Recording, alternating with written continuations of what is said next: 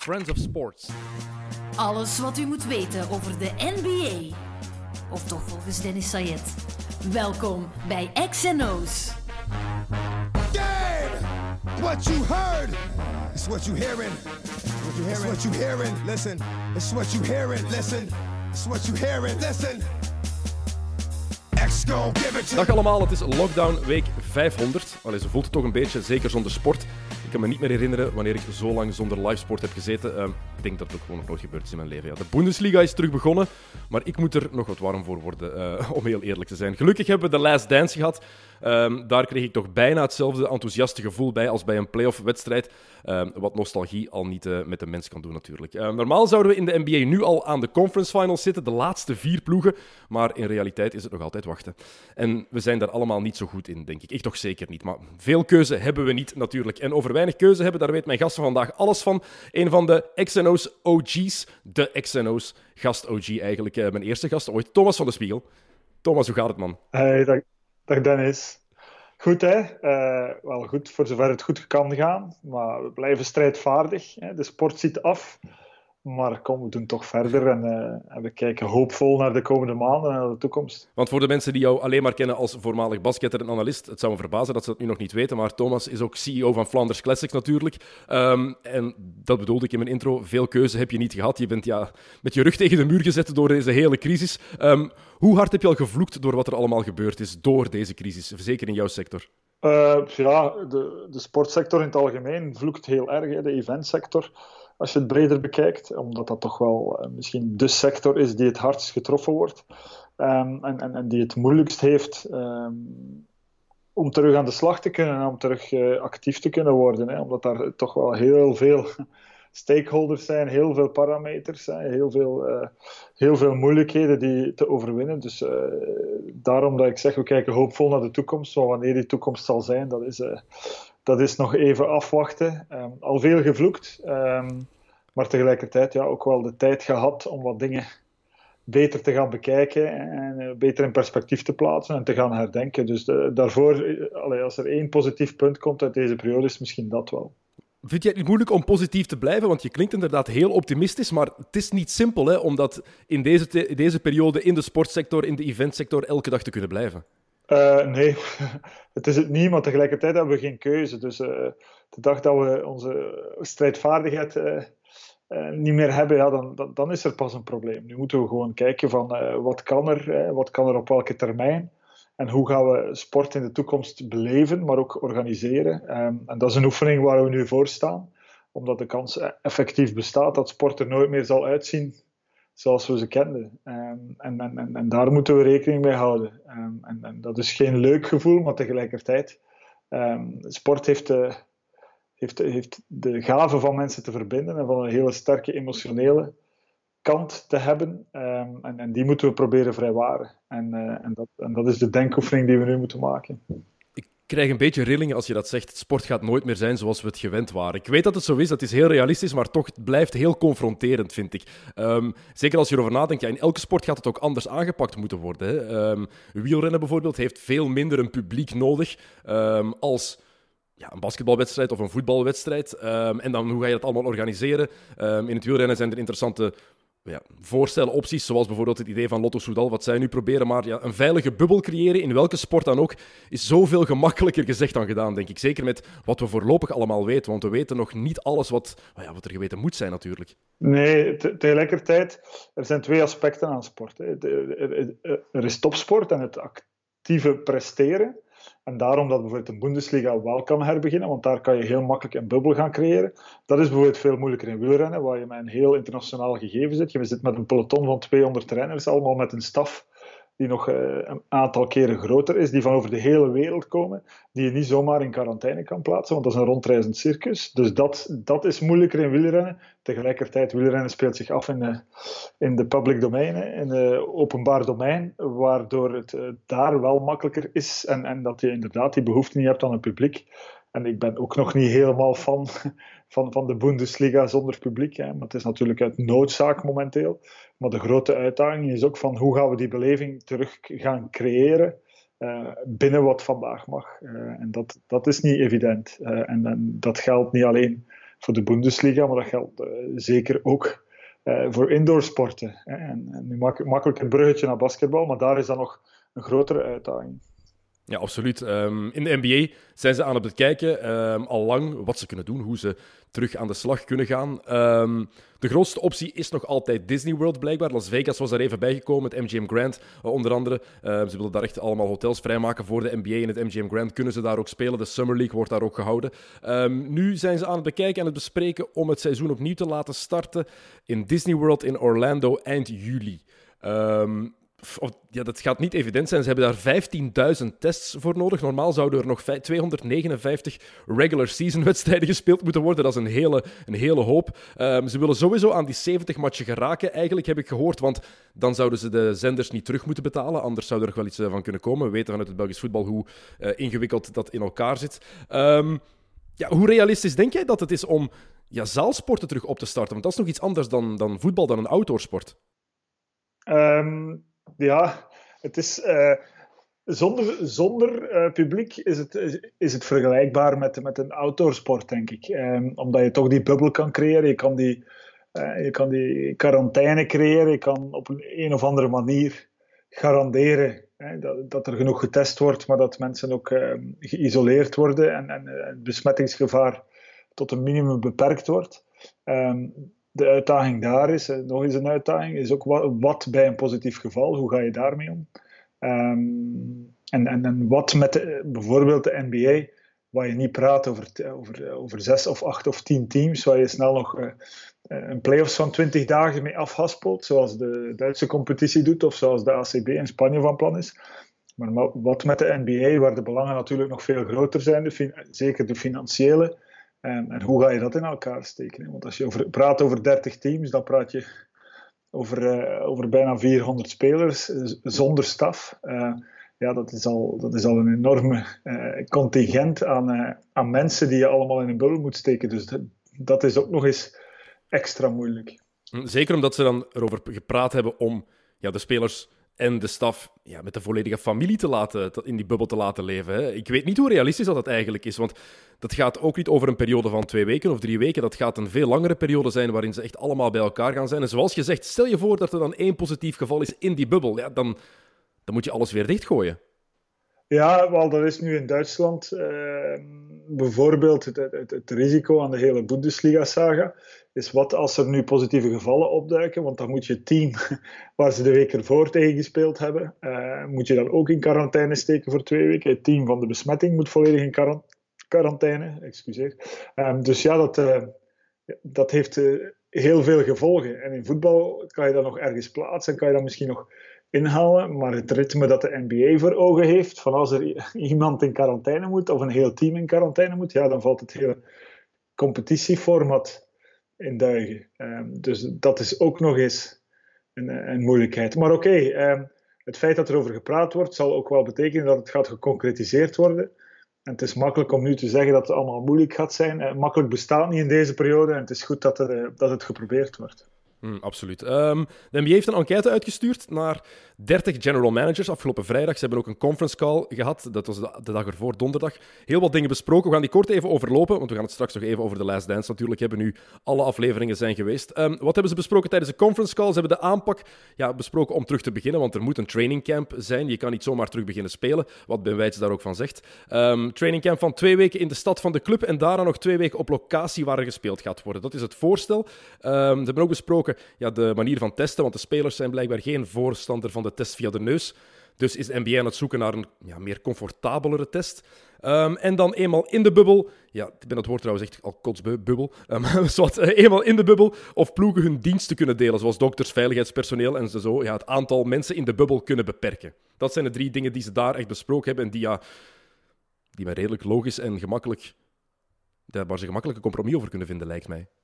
Ja, maar daar gaat iedereen wel, uh, wel mee akkoord gaan. Uh, het, het, het, het, het beperken van die footprint, zoals dat heet, uh, is ook wel een hele belangrijke. Want we praten nu hè, over die 30 teams en, en, die families en het delen van services. Dat gaat erover hè, om die footprint te beperken. Uh, maar dat geldt ook voor alles dat media is, dat geldt voor alles dat tv-productie is, dat geldt voor, voor alles dat er rondhangt. Dus uh, daar ligt ook nog eens de sleutel van dat te proberen beperken en toch een, een valabel product af te leveren. Ze denken dat ze uh, voor de wedstrijden, zouden bijvoorbeeld twee wedstrijden tegelijk kunnen uh, laten spelen, zoals in de Summer League, dat ze vijf bemande camera's per wedstrijd maar nodig gaan hebben. Wat veel minder is dan in een gewone wedstrijd natuurlijk uh, in de NBA normaal. Ja, ik denk, ik denk dat ze daar sowieso verplicht zijn van daarnaar te kijken. Um, natuurlijk, je kan heel veel remote tegenwoordig. En dat is natuurlijk het mooie aan, aan deze hele crisis. Um, je, kan, je kan al heel veel. Er wordt nog altijd televisie gemaakt, um, zoals we dat al jaren kennen, waarbij de rol van de, van, van de menselijke rol nog altijd zeer groot is. Ik vermoed dat de NBA zijn reputatie als vernieuwer en innovator wel zal, wel zal nakomen en zal gaan kijken van wat kunnen we onbemand gaan bieden en, wat kan er van op afstand gedaan worden. En dat kan nog altijd bediend worden door mensen, maar hoeven die per se in de bubbel, nog eens, in de bubbel te zitten. Um, of kan je die ook op afstand uh, dingen laten maken en dingen laten bedienen. En, en die, die technologie bestaat op vandaag. Alleen is de noodnood hoger geweest dan nu om die te gaan gebruiken. Hmm. Um, in de enquête hebben ze wat andere dingen besproken. Daar ging het vooral over het, over het format van het seizoen, als dat er nog uh, van komt. Um, ik ga een paar opties even kort overlopen. Ik ga niet te hard in detail gaan, want dan zijn we wel even bezig. Een um, paar opties. Om meteen aan de playoffs te beginnen. Dus gewoon zoals we het kennen, met 16 ploegen. gewoon gebaseerd op de standing zoals die nu was. Op 12 maart was dat dus uh, de laatste wedstrijd die hier gespeeld is. Dan een playoff plus optie. Dat we gewoon ja, de... Ofwel het nummer van playoff ploegen uitbreiden. Dat er meer ploegen gaan zijn. 18, 20, 22, zelfs 24 is sprake van. Of dat er een uh, play-in toernooi komt. Dat de nummers 7, 8, 9 en 10 dat die een uh, play-in toernooi spelen voor de laatste twee plaatsen in de playoffs. Of ze het reguliere seizoen gewoon met de 30 ploegen gaan uh, afmaken. Of ze het seizoen korter gaan maken. Er is spreken van 72 tot, 6, tot 76 wedstrijden. Um, of dan natuurlijk het format waarin ze um, gewoon alle ploegen gaan reseeden. Niet meer Oost tegen West, maar gewoon de beste 16 ploegen in de playoffs. Um, wat denk je daarvan? Wat lijkt jou de beste optie hiervoor? En de, ook de, de meest eerlijke, sportief gezien? Want dat is ook niet onbelangrijk. Maar ik denk dat deze periode ook toelaat om te experimenteren. Er wordt al heel vaak en heel lang uh, gediscussieerd over een aantal zaken die men aangepast zou willen zien, waaronder die seeding. Nu is het moment uh, om, nu te gaan Oost en West uit elkaar te houden. Waarom zou je dat nu nog doen als iedereen op één locatie speelt? Experimenteren er eens mee, zou ik zeggen. Ik vind het wel belangrijk dat alle 30 ploegen nog aan de bak komen. En dat we daar dan een, een, een, een experimenteel playoff systeem zouden aan verbinden. Waarom niet? Uh, nu kan dat allemaal. Hè. En misschien valt het allemaal wel beter mee dan gedacht. Het is nu niet het moment om vast te houden aan het verleden en te denken van ja, um, het is altijd al zo geweest de laatste jaren, dus laten we dat opnieuw doen. Um, natuurlijk, je moet daar consensus uh, voor vinden bij de ploegen die onder andere voorwaarden aan het seizoen begonnen zijn. Maar tegelijkertijd, uh, probeer eens. Um, vernieuwing kan nooit kwaad. Uh, er wordt altijd met formats gegoocheld. Uh, nu is het moment om die eens uit te testen. Absoluut. die play-in toernooien, dat zou dan bijvoorbeeld een best of three kunnen zijn. Of zelfs een single game elimination. Gewoon één wedstrijd, do or die. Wat voor heel interessante matchups kan zorgen natuurlijk. Ja, dat is een um, beetje Mar March Madness, maar ja. dan in de NBA. Hè. Um, ja. En, en, en de, de, de, mannen zijn het niet meer gewoond. Hè. Want ik, ik herinner me nog... Uh, ik heb met heel veel ex-NBA-spelers gespeeld natuurlijk. En, en, en, een wedstrijd, zeker een reguliere seizoenwedstrijd, maar zelfs in de playoffs is een match verliezen. Ja, in Europa was dat soms dramatisch, omdat je wist van dit krijg je niet meer rechtgetrokken. Zelfs voor, terwijl voor hen, ze spelen 100 plus matchen makkelijk per jaar. Uh, een wedstrijd is maar een wedstrijd.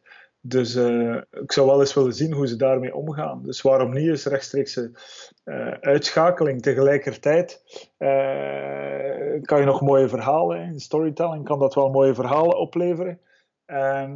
En biedt het ook kansen aan, aan, aan, aan ploegen om, om eens door te stoten. Dus waarom niet? Het is het moment. Um, en het kan ook het seizoen korter maken. Wat toch wel, want daar moeten we realistisch in zijn 76 matchen of een volledig seizoen nog proberen afwerken. Dat lijkt me niet realistisch en dat ga je volgend seizoen impacteren. Ik ken natuurlijk de financiële situatie niet, de financiële voorwaarden die eraan gekoppeld worden, door, vooral door de, de broadcasters zal dat zijn. en wat zij eisen, want de NBA moet natuurlijk zijn inkomen veiligstellen.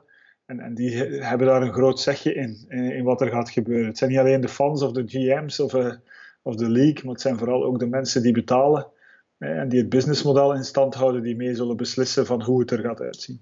En de spelers natuurlijk zelf ook, die gaan er ook uh, heel wat uh, in te zeggen hebben. Ik ben ook benieuwd wat ze gaan doen als ze de playoffs gewoon laten beginnen. Uh, Silver heeft altijd gezegd: we gaan vasthouden aan het best of seven format voor de hele playoffs. Ik vind dat de eerste ronde sowieso terug moet gaan naar een best of five. Je hebt te veel best of sevens waar het 3-0 staat in de eerste ronde. En je al weet dat die vierde match eigenlijk totaal een, gewoon een formaliteit is. Of die vijfde match, als er dan nog een overwinning komt voor de andere ploeg.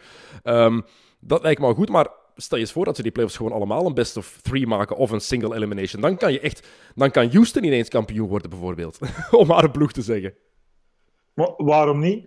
Um, ik vind dat we daar open moeten voor staan. Natuurlijk de powerhouses en diegenen die, die, ik weet niet hoeveel matchen er nu exact in totaal gespeeld waren, maar we zullen toch wel ergens goed in de 50 zitten, vermoed ik. Uh, het benadeelt natuurlijk wel die ploegen die, die, die, een zeer goed seizoen aan het draaien waren. Ik vermoed dat Milwaukee niet op de eerste rij zal staan om dat soort format, hè, nu ze is, uh, een kans gaan hebben uh, om dat soort format eh, goed te keuren. Dus dat, dat worden sowieso nog lange discussies. En ik hoop ook niet dat het behouden zou worden, want een best of seven series in een conference finals, in een finals, we hebben daar al zoveel heerlijke gevolgen van gezien van dat format. Dat moeten ze van mij ook niet, uh, niet echt aanpassen. Uh, wat Adam Silver ook gezegd heeft, is, is tegen de spelers heeft hij deze maand gezegd dat er geen enkele echt risicovrije optie is voorlopig. Um, de laatste mogelijke data voorlopig waarop ze het seizoen zouden beëindigen, 15 september, 1 oktober, 15 oktober of 1 november. 1 november is laat. Heel laat. Ja, dat is normaal de begindatum van het nieuwe seizoen. Maar kunnen ze misschien onmiddellijk, door, onmiddellijk doorspelen. Hè? Iedereen heeft toch genoeg vakantie gehad. Hey, ze zouden uh, misschien willen beginnen voortaan, heb ik gehoord, op kerstdag. Dat dat een optie zou zijn om altijd het seizoen te beginnen. 25 december. Dat dat gewoon het begin van het NBA-seizoen is. Ja, dat lijkt mij een hele vreemde.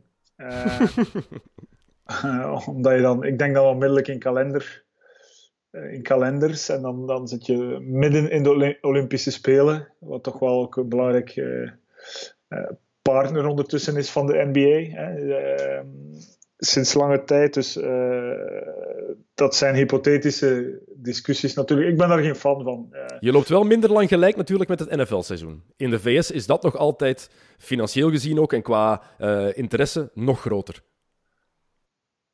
Ja, maar dan moet je met, met, een aantal andere dingen ook gaan schuiven, vermoed ik. Maar oké, het kan, hè, waarom niet?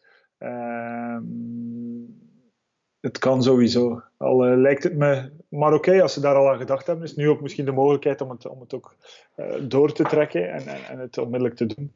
En het ook zo te houden. Maar ik, ik, zag niet, al, ik zie niet in wat er mis was met de oorspronkelijke data, behalve inderdaad misschien de overlaps met de, met de NFL. Mm Goed, um, genoeg daarover. Um, we gaan het over de Last Dance hebben. Uh, gelukkig hebben we die nog gehad de laatste um, weken. Vijf weken hebben we die kunnen zien. Um, wat, heeft, wat voor gevoelens hebben die oude beelden bij jou terug opgeroepen eigenlijk van de, de Last Dance? Want ik bijvoorbeeld, zeker toen aflevering 5 en 6 met de Dream Team en met het seizoen waar het eindigde met de finals tegen Phoenix. Ja, dat was het eerste seizoen dat ik de NBA echt vol aan bak ben beginnen volgen toen ik zeven jaar was. En ik voelde mij meteen terug zo oud toen ik die beelden zag. Ja, het is natuurlijk een trip down memory lane geweest, hè, denk voor iedereen. Het mooie aan The Last Dance is wel dat, dat, dat het publiek heeft aangesproken dat niet noodzakelijk uh, gek is op de NBA of gek is op basketbal. Uh, die Michael Jordan wel kende, maar die het hele verhaal niet kende. En, en, en dat is natuurlijk fantastisch gezien. Ook de timing om dit te brengen tijdens de, de lockdown of tijdens de, de COVID-19-crisis heeft natuurlijk geholpen. Het is de meest bekeken ESPN-documentaire ooit. Ja, slim, uh, want het was helemaal niet de bedoeling dat die nu uitgezonden zou worden. Normaal pas deze zomer. Ze hebben echt die laatste aflevering hebben ze in vier weken in elkaar moeten boksen. Ja, maar natuurlijk uh, goed gedaan. Hè. En ik heb nu vandaag gelezen dat ESPN uh, drie of vier 30 for 30's die er zitten aan te komen, nu ook, nu ook heel snel gaat releasen. Omdat ze beseffen van de, meer dan ooit wordt er er is geen live content, dus meer dan ooit wordt er, wordt er dit soort content gekeken. Maar ja, vanavond al eentje over Lance Armstrong trouwens. Die uh, ja. gaat vanavond in de première. Daar kijk ik ook naar uit. Maar, mm. uh, maar het betekent ook natuurlijk uh, dat we allemaal teruggecatapulteerd zijn in de tijd we kennen eigenlijk allemaal die beelden, zeker de beelden van vroeger kennen wij, jij en ik, er heel veel van. Maar als je ze zo eens allemaal aan elkaar gemonteerd ziet met, met, met al die inside stories en ja, is gewoon eh, super. Elke maandagavond was hier Last Dance Night. en uh, we werden er uh, twee afleveringen aan elkaar bekeken. En, en, en ik ben niet zo'n tv-kijker, maar ik kon echt niet wachten. En ik, ik, ik, vond het altijd zeer jammer als ze voorbij waren. Ik kon echt niet wachten tot de volgende maandag. Dus nu wel eventjes in een gat teruggevallen. Ja, absoluut. Mijn, het was de avond ook. Mijn broer en ik, we zitten in elkaars bubbel, om het dan zo te zeggen. En wij keken altijd samen uh, die afleveringen. Truitje van Michael Jordan aan. Het was ja, avond om naar uit te kijken, inderdaad. Jammer dat dat nu, uh, nu voorbij is. Um, welke dingen, welke momenten van de, de serie steken er voor jou eigenlijk bovenuit? Want inhoudelijk moet ik zeggen, ik heb niks bijgeleerd dat ik nog niet, niet wist, wat ik nog niet ergens gelezen had uh, of al in oude beelden gezien had. Uh, maar er waren wel heel leuke momenten. The Last Dance is niet voor jou gemaakt. uh, dat, moeten we ook wel, hè, dat moeten we ook wel weten. Hè. Voor, voor, echte kenners en voor mensen die er echt al alles vanaf weten, is The Last Dance niet gemaakt. Die hebben er weinig van geleerd. Uh, het bundelen van alles natuurlijk is echt wel uh, heel die chronologie, heel het verhaal vanaf high school tot en met 98. Dat is natuurlijk wel fantastisch om te zien. Uh, om, om er echt iets uit te halen dat er voor mij uitstak. Um, niet echt iets, behalve, um, ik denk algemener het feit hè, dat, dat, dat Michael uh, er echt geen zier om gaf wat er van hem gedacht werd en nu nog wordt. Hè, en dat hij gewoon uh, het grootste competitiebeest is dat er misschien, dat misschien ooit heeft uh, op dat niveau uh, gespeeld of gesport. En, en, en, en, dat is eruit gekomen. En, en natuurlijk is het nu in, in, een, in een positie. Uh, ik denk dat hij ondertussen, zijn vermogen is meer dan 2 miljard ondertussen. Hij zit in een positie dat hij zich daar niet echt zorgen moet over maken wat mensen over hem denken. Maar dat was vroeger ook al zo niet. Um, en, en, en hij heeft heel bewust uh, ervoor gekozen. Wat ik ook mooi vond, is dat hij, uh, dat hij zei van Republicans buy sneakers too. Um, wat ik daar goed aan vond, is dat hij zei: Ik wilde basketbal en ik wilde niet bezig zijn met alles ernaast. En ik wilde gewoon gefocust zijn op, op, op, mijn sport. dat is wat ik goed kon. En al die side stories, en, dat, die wilde ik helemaal niet. En, en dat is toch ook wel een stuk blijven hangen. Mm -hmm. Veel mensen vonden het zijn plicht, zoals ja, LeBron James zich nu bijvoorbeeld um, inzet. Zoals Mohammed Ali dat back in the day deed. Karim Abdul-Jabbar deed dat ook. Bill Russell. Ja, er wordt dan verwacht van de grote persoonlijkheden dat die zich daar ook voor engageren. Maar niet iedereen is hetzelfde op dat vlak natuurlijk. En Michael Jordan... Je, je uh, kan de mensen dat ook niet verplichten. Nee, voilà. Um, om zo te zijn. En Michael was totaal zo niet. Uh, vergeet niet, Um, hij heeft eigenlijk een, een brug gemaakt hè, de, uh, tussen blank en zwart in de States, die er voorheen niet was. Hè. De kloof was veel groter.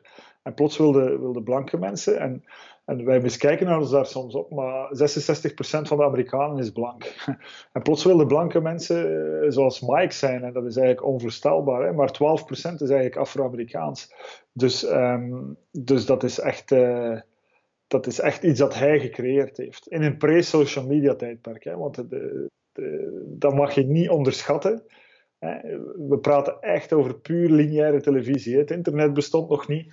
Uh, we moesten echt naar televisie kijken. Uh, Barcelona 92 heeft daar natuurlijk enorm in geholpen. Dat is echt het kantelpunt misschien wel geweest in zijn globale populariteit. Hij was al ongelooflijk populair in de States, maar dan werd, werd plots de hele wereld hè, uh, zijn, zijn speeltuin.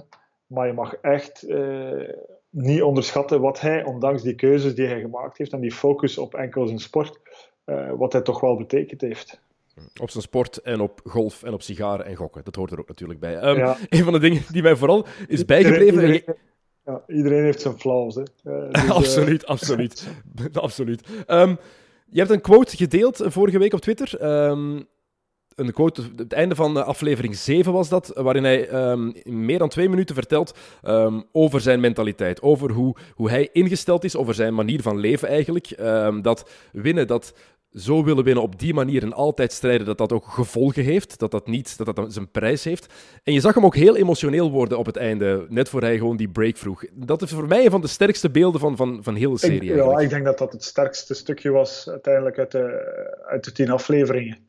omdat je daar in twee minuten eigenlijk ja, zijn analyse van wie hij is hoort hè, en wat hem gemaakt heeft tot wat hij is, maar vooral ook het overstijgt sport. Hè. Als je praat over leadership, dat is voor mij wat leadership is. En of dat dan nu zakelijk is, of familiaal, of in sport, of in, hè, soms is er nood ehm, aan, het, aan, het, aan het meesleuren van mensen uh, en aan het, aan het begeesteren van mensen, inspireren van mensen en, en zijn hij was daar heel extreem in, maar dat is wat hem gemaakt heeft tot, tot, tot zo'n succesvol iemand. En, en, en voor mij oversteeg, heel dat stuk oversteeg eigenlijk puur het sportieve. Het ging echt over ja.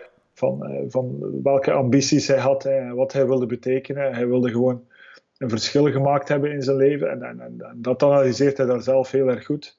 En hij beseft ook van, ik heb eigenlijk wel daar heel veel vijanden, wil ik ze niet noemen, maar toch heel veel mensen...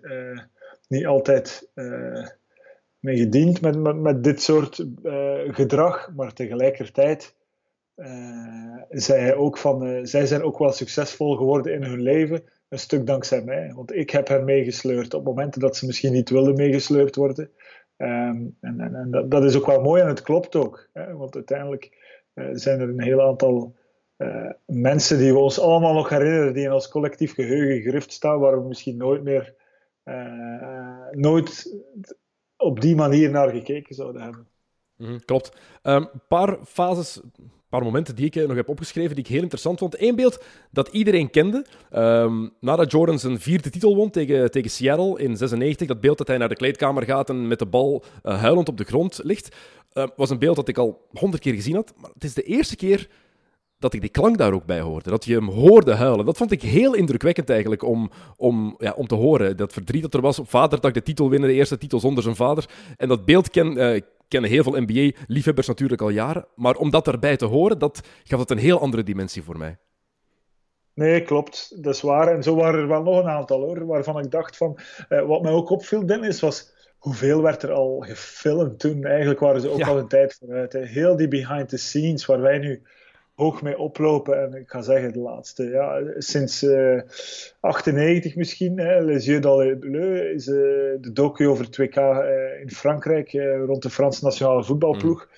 Dat was echt een eye-opener voor mij. en dan zie je dat de Amerikanen daar eigenlijk gewoon al tien jaar eerder mee bezig waren. Echt alles is gedocumenteerd. Of het nu gaat over die scène die heel heftig was, of, of het feit dat hij daar piano zit te spelen op zijn hotelkamer. In, oh, hoe geniaal was dat? In Salt Lake. Of, ja, alles is gedocumenteerd. Dat, dat maakt het. We zouden hier zelfs over gelijk wat uh, iets willen maken. Als je kijkt uh, hoe moeilijk het is, soms is om die Belgasport samen te stellen. Uh, en om daar echt alle goede beelden voor te vinden. Hè. Dat weet jij beter dan mij nog, maar daar, daar kruipt zoveel werk in. En dan, dan krijg je daar plots naar de Last Dance en zie je van echt elke gebeurtenis uit die tijd is, is, is gedocumenteerd met beeld. Ook al die kleedkamerbeelden met zijn security guards. Uh, alles, alles, alles is gefilmd. Elk verhaal konden ze staven met beeld. Dat maakt het mm -hmm. heel sterk. En nu zijn er heel veel clubs in welke sport dan ook die dat gewoon niet willen. Dat er ja, zoveel in de kleedkamer gefilmd wordt en dat dat allemaal gevolgd wordt, terwijl het net binnen x aantal jaar voor zoveel mooie beelden kan zorgen. Dan is het niet meer gewoon enkel het verhaal, maar zoals je zegt, dan wordt het ook gestaafd met beelden. En dat maakt het nog zoveel sterker. En dat is het mooie dat je dat, bijvoorbeeld hier, moment na Game 7 tussen Indiana en Chicago, dat Michael Jordan en Larry Bird elkaar tegenkomen. En dat, ja. dat Jordan tegen Bird zegt, you fucking bitch. Dat is, dat is geniaal dat je dat nog kan zien ook. Dat je niet enkel moet horen over die twee trash talkers tegen elkaar. Dat je dat ook effectief kan zien en horen. Ja, ja dat stukje. En dan ook... Uh... Uh, het stukje waar uh, in Barcelona, ik denk met Bird Magic Jordan, ik denk dat Maat Rashad erbij zit ook. Dat je denkt van hoe kan het dat daar ook gewoon een camera bij is en dat, en dat je ze elkaar hoort treiteren. En, en, en, ja, dat is fantastisch om te zien. Dat is echt, uh, dat is echt wel. En een heel aantal mensen komen er ook super goed uit, vind ik, hè, uit de docu. Ik heb er een aantal gemist, een beetje. Um, Luke Longley. Ik, ik, Luke, ja, om budgettaire redenen las ik ergens. Yeah, right. Dat zal, dat zal wel een andere reden gehad hebben. uh, en dan uh, iets te weinig Kukoc, naar mijn mening. Kukoc had wel een grotere rol mogen krijgen, want uiteindelijk denkt iedereen nu. Uh, Kukoc is eigenlijk, als je kijkt wat hij betekend heeft, heeft hij eigenlijk meer betekend dan wat hij gekregen heeft in de Last Dance. Ehm, en, en, iedereen gaat alleen maar denken aan hoe ze hem gepakt hebben op het Olympisch toernooi in Barcelona. maar Kukoc had er iets meer mogen inzitten voor mij. Um, en Rodman heeft dan weer te veel aandacht gekregen ergens. Heel interessant persoon, Rod, Rodman, ik weet het. Maar als je ook kijkt naar wat hij die jaren bij de Bulls gedaan heeft, bijvoorbeeld in de playoffs van 97 was hij, speelde hij 18 minuten per match, denk ik. Want toen was er Brian Williams die zijn minuten kreeg, omdat hij gewoon beter was op dat moment. In 98 was hij tegen de Jazz de ene match, had hij inderdaad 20 rebounds. De andere match kwam hij amper van de bank. Dus Kukoc heeft inderdaad een hele grote rol ook daar gespeeld. Um, maar ja, zeker het laatste jaar, dat was puur Michael Jordan um, en Scottie Pippen tot zijn rug het weer, weer begaf natuurlijk. Een um, paar leuke momenten nog. Ja, wat ik hilarisch vond elke keer was Jordan tegen Scott Burrell. Er zijn mensen die, zich daar, die dat echt erg vonden, hoe Jordan daar tegen praatte. Terwijl ik dat... Ay, jij, jij hebt jaren professioneel basketbal gespeeld. Dat is toch heel normaal dat zo, zoiets gebeurt in een kleedkamer? Ja, dat je daar gewoon iedereen, zit, zit te plagen en te pesten? Wel, elke vet heeft wel zo zijn, uh, zijn jonkies waar, waar, voilà. waar, waar, waar je zo tegen praat. Um, dat is zelfs op het laagste niveau zo hoor. En ja, dat is zo. En, en, en hij pakt die gewoon mee in zijn slipstream. En hij gebruikt die wel een beetje uh, als een knechtje. En als een, maar, maar dat hoort er gewoon ook bij. En, en ik ben 100% zeker van dat Scott Burrell het fantastisch vond van, van een beetje de pispaal te zijn van Michael Jordan en van, van, van, van homies te kunnen zijn. Eigenlijk was, was Scott Burrell uh, uh, ook een beetje het excuus van Jordan voor het niet hebben van, van vrienden binnen het team. En, en, en ten opzichte van van een jong iemand kan je dat wel. En, en die kan je meenemen en die gaat niet tegen je in opstand komen, die gaat geen discussie ontlokken. En ondertussen creëer je wel een vorm van chemistry. Dus dat zie je wel vaker hoor. Uh, dus zo erg vond ik dat allemaal niet. Totaal niet. Uh, um, de docu was heel streng voor Jerry Krause natuurlijk. Um, het is ook niet echt. Ah, het is een docu-commercial, moeten we zeggen. Hè? Michael Jordan, twee van zijn beste vrienden, waren executive producers. Dus had heel veel zelf, eh, inbreng zelf ook. Maar vind je dat ze streng genoeg zijn voor, voor Jerry Reinsdorf eigenlijk? Want die krijgt heel weinig kritiek, vind ik, als het komt op het behouden van die ploeg. Hij heeft nog geprobeerd om ze terug te halen om voor die zevende titel te gaan, maar toen was het al te laat eigenlijk. Um, ik vind dat hij daar een beetje een free pass krijgt. Ja, absoluut akkoord. Uiteindelijk, het verhaal Reinsdorf-Krause was, was er een van twee mensen en nu worden ze zo'n beetje gepositioneerd als good cop, bad cop. Um, of toch, uh, Reinsdorf komt daar veel te goed uit, terwijl ze toen, in die tijd, waren ze meer good cop, bad cop. Hè, waarbij eigenlijk Krause uh, deed wat hij moest doen, heeft ook een aantal geniale dingen gedaan. Hij wordt nu een beetje gepositioneerd uh, als de slechterik, terwijl ja, Reinsdorf zat daarmee aan de knoppen en die wilde ook, die gaf Krause, gaf Krause um, de, de, de, mogelijkheden om, om dat te doen. Uh, dat choqueerde me wel wat, hoe ze echt op Krause, en zeker MJ, hoe ze echt Krause, de dag van vandaag kom je daar niet meer mee weg. Dat is echt bullying, hè, en daar, kom je niet meer zomaar mee weg. Uh, hoe je zag dat hij dat echt Krause geen moment uh, met rust liet, over zijn lengte, over, over wat hij deed, maar vooral over zijn lengte. Da daar kom je vandaag niet meer mee weg. Krause wordt ook weggezet als ehm, als de bad guy, terwijl hij wel mede architect is van, uh, van zes titels van de Bulls. Uh, terwijl hij visionair genoeg was om, om Pippen dat contract te laten tekenen uh, in 91, waardoor hij zo lang vastzat. en dat nu als schandalig wordt beschouwd, maar ze ook waarom Jordan zoveel geld kon verdienen in, na zijn comeback, was de, een van de redenen was het feit dat Scotty zo'n laag contract had. Daar kwam er wat te weinig uit. Eigenlijk de salary cap wordt totaal niet uitgelegd die was toen veel strenger dan hij nu is. Nu doe je daar eigenlijk een beetje mee wat je wilt als je genoeg geld hebt. Um, dus uh, dat, dat stukje miste ik wel. Uh, en, en, het ding is wel toen, over de salary cap, er stonden toen geen boetes op de luxury tax. Dat wist ik niet meer. Dus je kon zwaar in de lux gaan, daarom dat ze Michael Jordan ook in de laatste jaren een contract voor 33 miljoen dollar hebben kunnen geven. Uh, wat, waardoor ze hun salary cap met 30, 35 miljoen overschreden. Maar er, stond geen, er stonden geen zware boetes op. Ah, okay. Dus op zich kon je daar toch nog... Ik, ik, dacht ook dat het toen veel strenger was, maar je kon daar op een of andere manier wel, een, eh, wel, een, wel mee wegkomen nog. Um, hebben ze natuurlijk ook voor één jaar gedaan.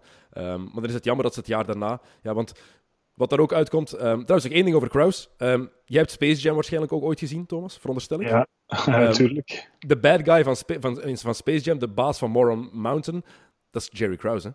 Ja, dat zie je ook. dat is echt... Uh, nog, één, nog één kleine kanttekening is ook... Uh, uh, Pippen komt er nu zo'n beetje uit als uh, Ocharme Pippen, hè, de armoezaaier die nooit... ik heb dan snel eens zijn earnings gecheckt, terwijl ik aan het kijken was. Hij heeft nog 110 miljoen dollar verdiend in zijn carrière in die tijd. Dus zo slecht is hij er al bij al niet vanaf. Hij heeft, hij heeft al zijn geld verdiend na de Bulls, maar hij is echt wel uh, heeft echt wel nog serieus uh, betaald gekregen, zelfs toen hij al, uh, zijn ster al lang talende was. En dan heeft zijn vrouw al zijn geld uitgegeven, blijkbaar. Is ze bijna failliet gegaan. Ja, um, dat, jaar... dat, is natuurlijk een ander verhaal. het jaar na, zijn, na de Bulls is hij naar Houston gegaan, heeft hij een contract getekend voor vijf jaar ter waarde van 67 miljoen dollar. Dus, wow, Sava, hè? dat was nog oké. Okay. Um, Jordan die zei wel in die docu nog op het einde van, ja, dat hij heel graag voor zijn zevende titel wilde gaan. Als je iedereen nu ook hoort die um, Jordan goed kent, die in de buurt staat van, van, van MJ, die zegt ook van ja, het enige waar hij echt spijt van heeft, is dat hij niet de kans heeft gekregen om die titel te verdedigen. Want er is wel één ding dat ik ook vind in stelling. Ik vind dat de kampioen altijd de kans moet krijgen om zijn titel te verdedigen. Sport, puur sportief gezien, hè? Ja, natuurlijk. We praten nu over iets 20 jaar na datum. Um, dat ook wel gepositioneerd is door Jordan. Uh, misschien zijn er wel ook nog andere factoren geweest die een rol gespeeld hebben. Uh, dat weet je niet, want Reinsdorf kwam nu heel erg goed weg, ook door te zeggen van mij mocht het. Hè. Uh, ik heb veel een voorstel gedaan. Ja, dus, en nu plots was het Krause, die voor alle duidelijkheid ook overleden is voor de mensen die dat niet zouden weten. Dus dat is wel heel makkelijk om dat nu zo weg te zetten. Tegelijkertijd ja, vinden we het wel allemaal jammer. Hè. Uiteindelijk, de rebuilding van de Bulls is nooit echt gelukt. Uh, erna, dus had je dit team wel nog, uh, of toch die combo, had je misschien wel nog langer moeten samenhouden. Uh, ja, Kraus had een plan. Hè. Kraus had het plan om in 2000, toen een goede, een goede free agency class was, hij wou Tim Duncan, Grant Hill en Tracy McGrady binnenhalen. En die dan combineren met de rookies die ze hadden um, gedraft. Uiteindelijk heeft Orlando twee van de drie binnengehaald en is Duncan net niet naar de Magic gegaan, want dat was e-, effectief een optie. Maar interessant plan. Het is alleen niet gelukt. En uh, ja, we weten hoe het gegaan is. Jordan die uh, niet voor zijn zevende titel is kunnen gaan. Ik denk ook eerlijk gezegd dat als ze ervoor waren gegaan uh, in 99, dat ze die niet hadden gewonnen. Um, je moet erover nadenken. Rodman, dat was voorbij. Dat zag je al. In 98 was het eigenlijk al gedaan. Pippen ging betaald moeten worden, sowieso. Het ging niet evident zijn. Het kon wel, omdat die boetes op de luxury tax er niet waren. Kerr, Longley, Bushler, die gingen ook meer geld ergens kunnen krijgen. Dus je moest die... Harper ook. Je moest die ploeg dus wel rond Jordan en Pippen dan eventueel sowieso een beetje rebuilden. Um, en ik weet niet of dat meteen dan voor succes had kunnen zorgen. Zelfs met Michael Jordan erbij en met de, de halfgod of de, de god die hij, die hij op een basketveld was. Ja, nee, ik ben akkoord. Uh, ik was ook wel vergeten, uh, maar we waren natuurlijk nog heel erg jong, dat het ook met horten en stoten was. Het leek mij echt veel moeilijker dan, dan, dan het, om die titel te winnen in 98 dan het in mijn, in mijn gedachten toen was. maar hij was toen alleen. Hè? Als je kijkt hoe, hoe de Bulls dat seizoen ook waren. Uh, die hebben 62 matchen nog gewonnen, terwijl Pippen de eerste, wat was het, 35, 40 heeft uitgezeten. En dan in de playoffs zat Pippen die rugblessure. Rodman die zat de helft van de tijd op Carmen Electra uh, of in Vegas. De hele ploeg was ouder aan het worden. En Jordan, het, was, het, is, een van, het is een van de grootste krachttoeren die, er, die een sporter ooit gedaan heeft, denk ik. Um, als je kijkt naar die Game 6, waar alles ook om draait tegen Utah met de shot is indrukwekkend hoe Jordan daar zijn ploeg gewoon alleen naar de overwinning leidt. Helemaal alleen. Ja, klopt. En, en in mijn gedachten was het makkelijker gewoon en, en vlotter. En, uh, en, nu zie je pas hoe moeilijk het eigenlijk geweest is toen. Dus ja, ik, ik ga ook wel akkoord dat 99 sowieso een uitdaging zou geweest zijn. Uh, wat ik één ding dat ik een beetje gemist heb, ik wou nog meer achter de schermen. Uh, de docu heet The Last Dance.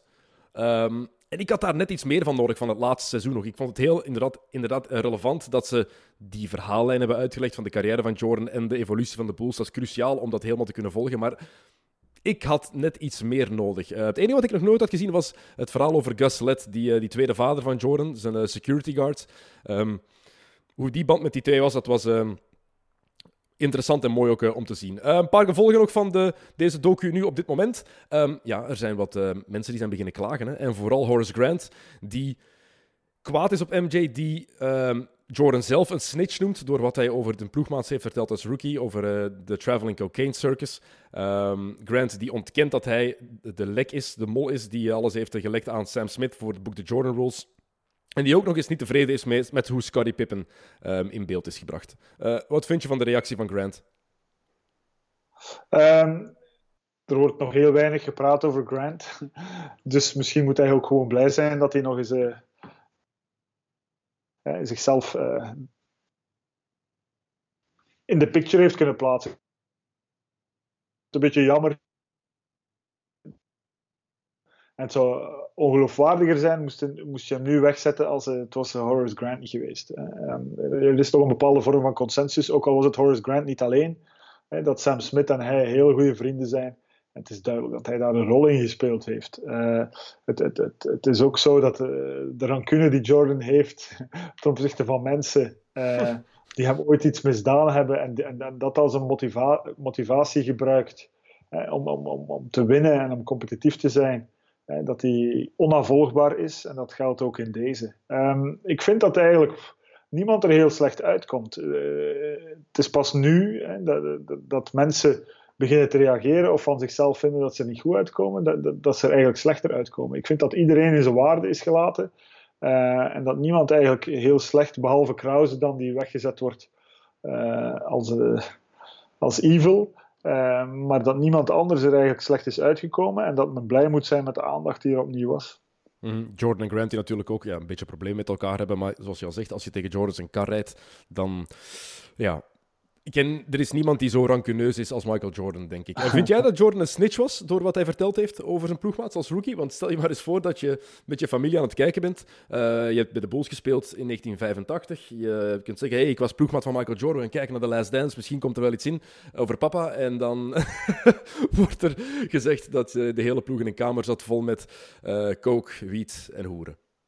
Uh, ja, dat kan ik nog altijd zeggen dat je er niet bij was. Uh, jij was net diegene die er niet bij was. Uh, een snitch, um, hij weet wat er van aan was. het is ook publiek geheim dat de Bulls gewoon echt slecht waren toen.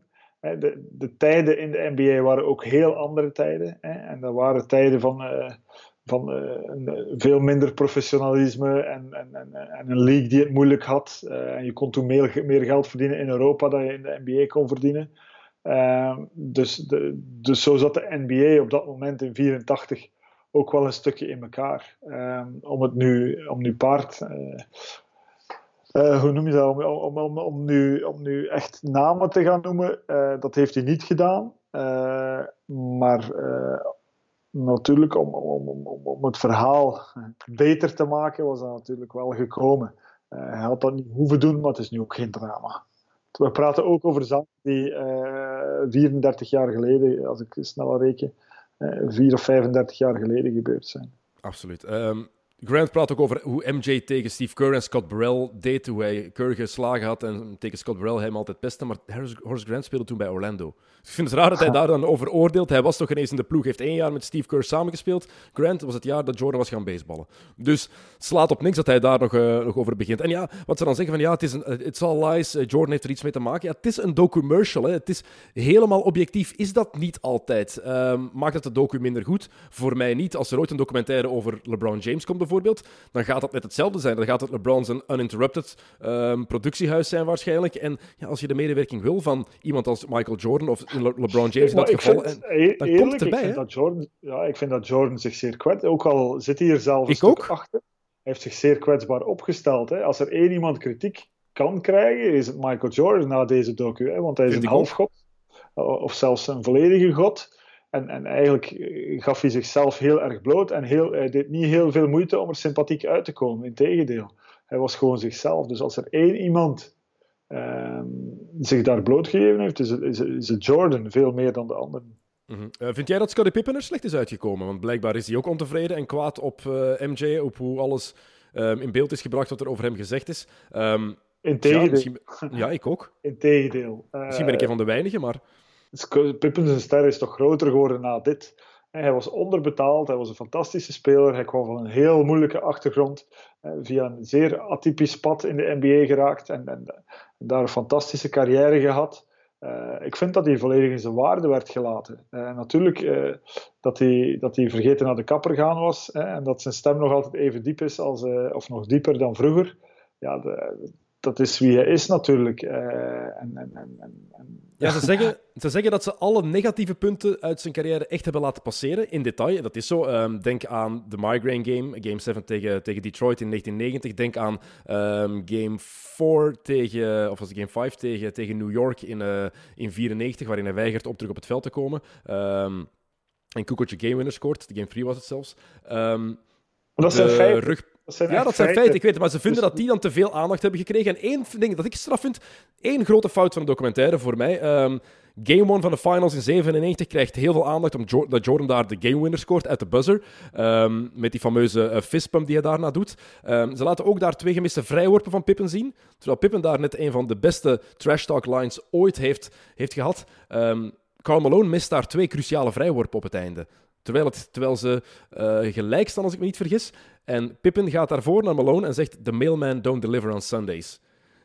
Als je die migraine game laat zien en alles van tegen de Knicks ook, dan moet dat er toch ook zeker in zitten. Het is zo'n cruciaal deel van, van het verhaal van Pippen en van de Bulls van de, van de jaren negentig. Ja, ja, klopt. Klopt, absoluut. Maar, uh, maar nogmaals, ik vind dat Pippen er goed uitkomt. Uh, ik vond het verhaal trouwens van... Uh, van, van, uh, toen hij niet op het terrein wilde komen, omdat de play voor Kukoc was dat Kukoc scoort en dat Bill Cartwright daarna in tranen een speech geeft in de kleedkamer, vond ik een heel sterk verhaal ook. Eh, dat, dat, dat moet er ook gewoon in zitten. Dus op, zich vond ik Pippen er echt wel goed uitkomen. En, en Jordan uh, positioneert Pippen ook als, als, een, als een luitenant en zijn, zijn homie in, doorheen de hele Last Dance. Dus, dus um, dat vind ik onterecht, mocht daar nu nog kritiek op komen. Mm. Een beste number two ga je niet vinden. En wat ik trouwens wel denk, voor de, voor de samenwerking Jordan Pippen, dat die eerste break van Jordan, die eerste, uh, dat eerste pensioen toen hij is gaan baseballen, dat eigenlijk het beste is wat hen twee is kunnen overkomen. Want elke nummer twee wil ooit de kans krijgen om te bewijzen dat hij de beste kan zijn van een ploeg, zijn eigen ploeg kan leiden. Wel, Pippen heeft daardoor die kans gekregen en beseft na anderhalf jaar, oeh, dit is het toch niet, lukt niet helemaal. En als Jordan was gebleven, had dat misschien helemaal anders kunnen zijn. Ik vind het wel interessant om, om dat ook zo eens, zo eens te bekijken, dat dat inderdaad wel voor die samenwerking tussen die twee misschien wel het beste is. die Jordan had achtergelaten is door niemand ingevuld. Hè. Je zou kunnen zeggen van, daar moet van alles bij, maar dat is eigenlijk niet echt, uh, of toch niet, de, de, de Bulls waren nog steeds goed, maar ze waren niet zo competitief als ze waren met Jordan erbij. Um, dat je van Pippen niet mag verwachten dat hij Michael Jordan was. Maar oké, hij heeft die kans wel gekregen om te tonen of hij een franchise player was of niet. Um, en, en, misschien heeft hij dat toen wel beseft dat dat niet zo was. Ja, hij was fantastisch in het eerste jaar na Jordan natuurlijk. Eh, niet vergeten, want jaren na toen Jordan terug is gekomen, was die ploeg gewoon nog niet, uh, niet goed genoeg. En nog één ding waar ik het even met jou over wil hebben. Um, Amatra Shot. ja, hoe een fantastisch leven kan je hebben? waar die allemaal bij was. Eigenlijk als, als media. Natuurlijk, eh, de status van media in, in, de States is volledig anders dan hier. Hier eh, is dat een constant spanningsveld. In de States is dat meer een, eh, een, een, een, een wij-verhaal. Ze beseffen van. de spelers beseffen van we hebben de media nodig. En, en, en de media beseffen van wij hebben de spelers nodig. En die worden ook vrienden en die kennen elkaar heel goed. Uh, dat hebben wij ook mogen merken toen we naar de finals geweest zijn. Hè, hoe close dat die allemaal zijn, hoe goed dat die allemaal elkaar kennen. Dus dat, dat, dat, dat is net iets anders hier. Maar Amat Rashad was wel overal bij. Uh, in de voorbije ja, drie decennia uh, heeft hij echt gewoon constant geschiedenis meegemaakt. Zonder dat hij het misschien op dat moment besefte. dus ja, wel, wel leuk om nu terug te zien. Hè, omdat is ook iemand die toch een beetje in mijn geheugen gegrift staat uh, als het gezicht uh, van de NBA, zeker in de jaren 90. Uh, eh, en dat was ook leuk om terug te zien. Hij en Marv Albert, hè? dat waren de twee stemmen die um, op ja, mijn maar, videotape stonden. Maar het was net, was net iets cooler dan Marv Albert. en zijn, zijn kapsel is ook beter. Alles is er beter aan, inderdaad. Oké, Thomas, goed. Bedankt dat je even tijd wilde maken voor mij uh, vandaag. Ik wens je nog veel succes met, uh, met Flanders Classics de komende week. Het zal wel druk genoeg zijn, veronderstel ik. Um, er komt deze week ook een nieuwe Mid-Mid aan. Die is er op dinsdag, zoals altijd. Die zijn ook weer helemaal terug, dus vergeet dat zeker niet Tot de volgende keer. Salut. Yo.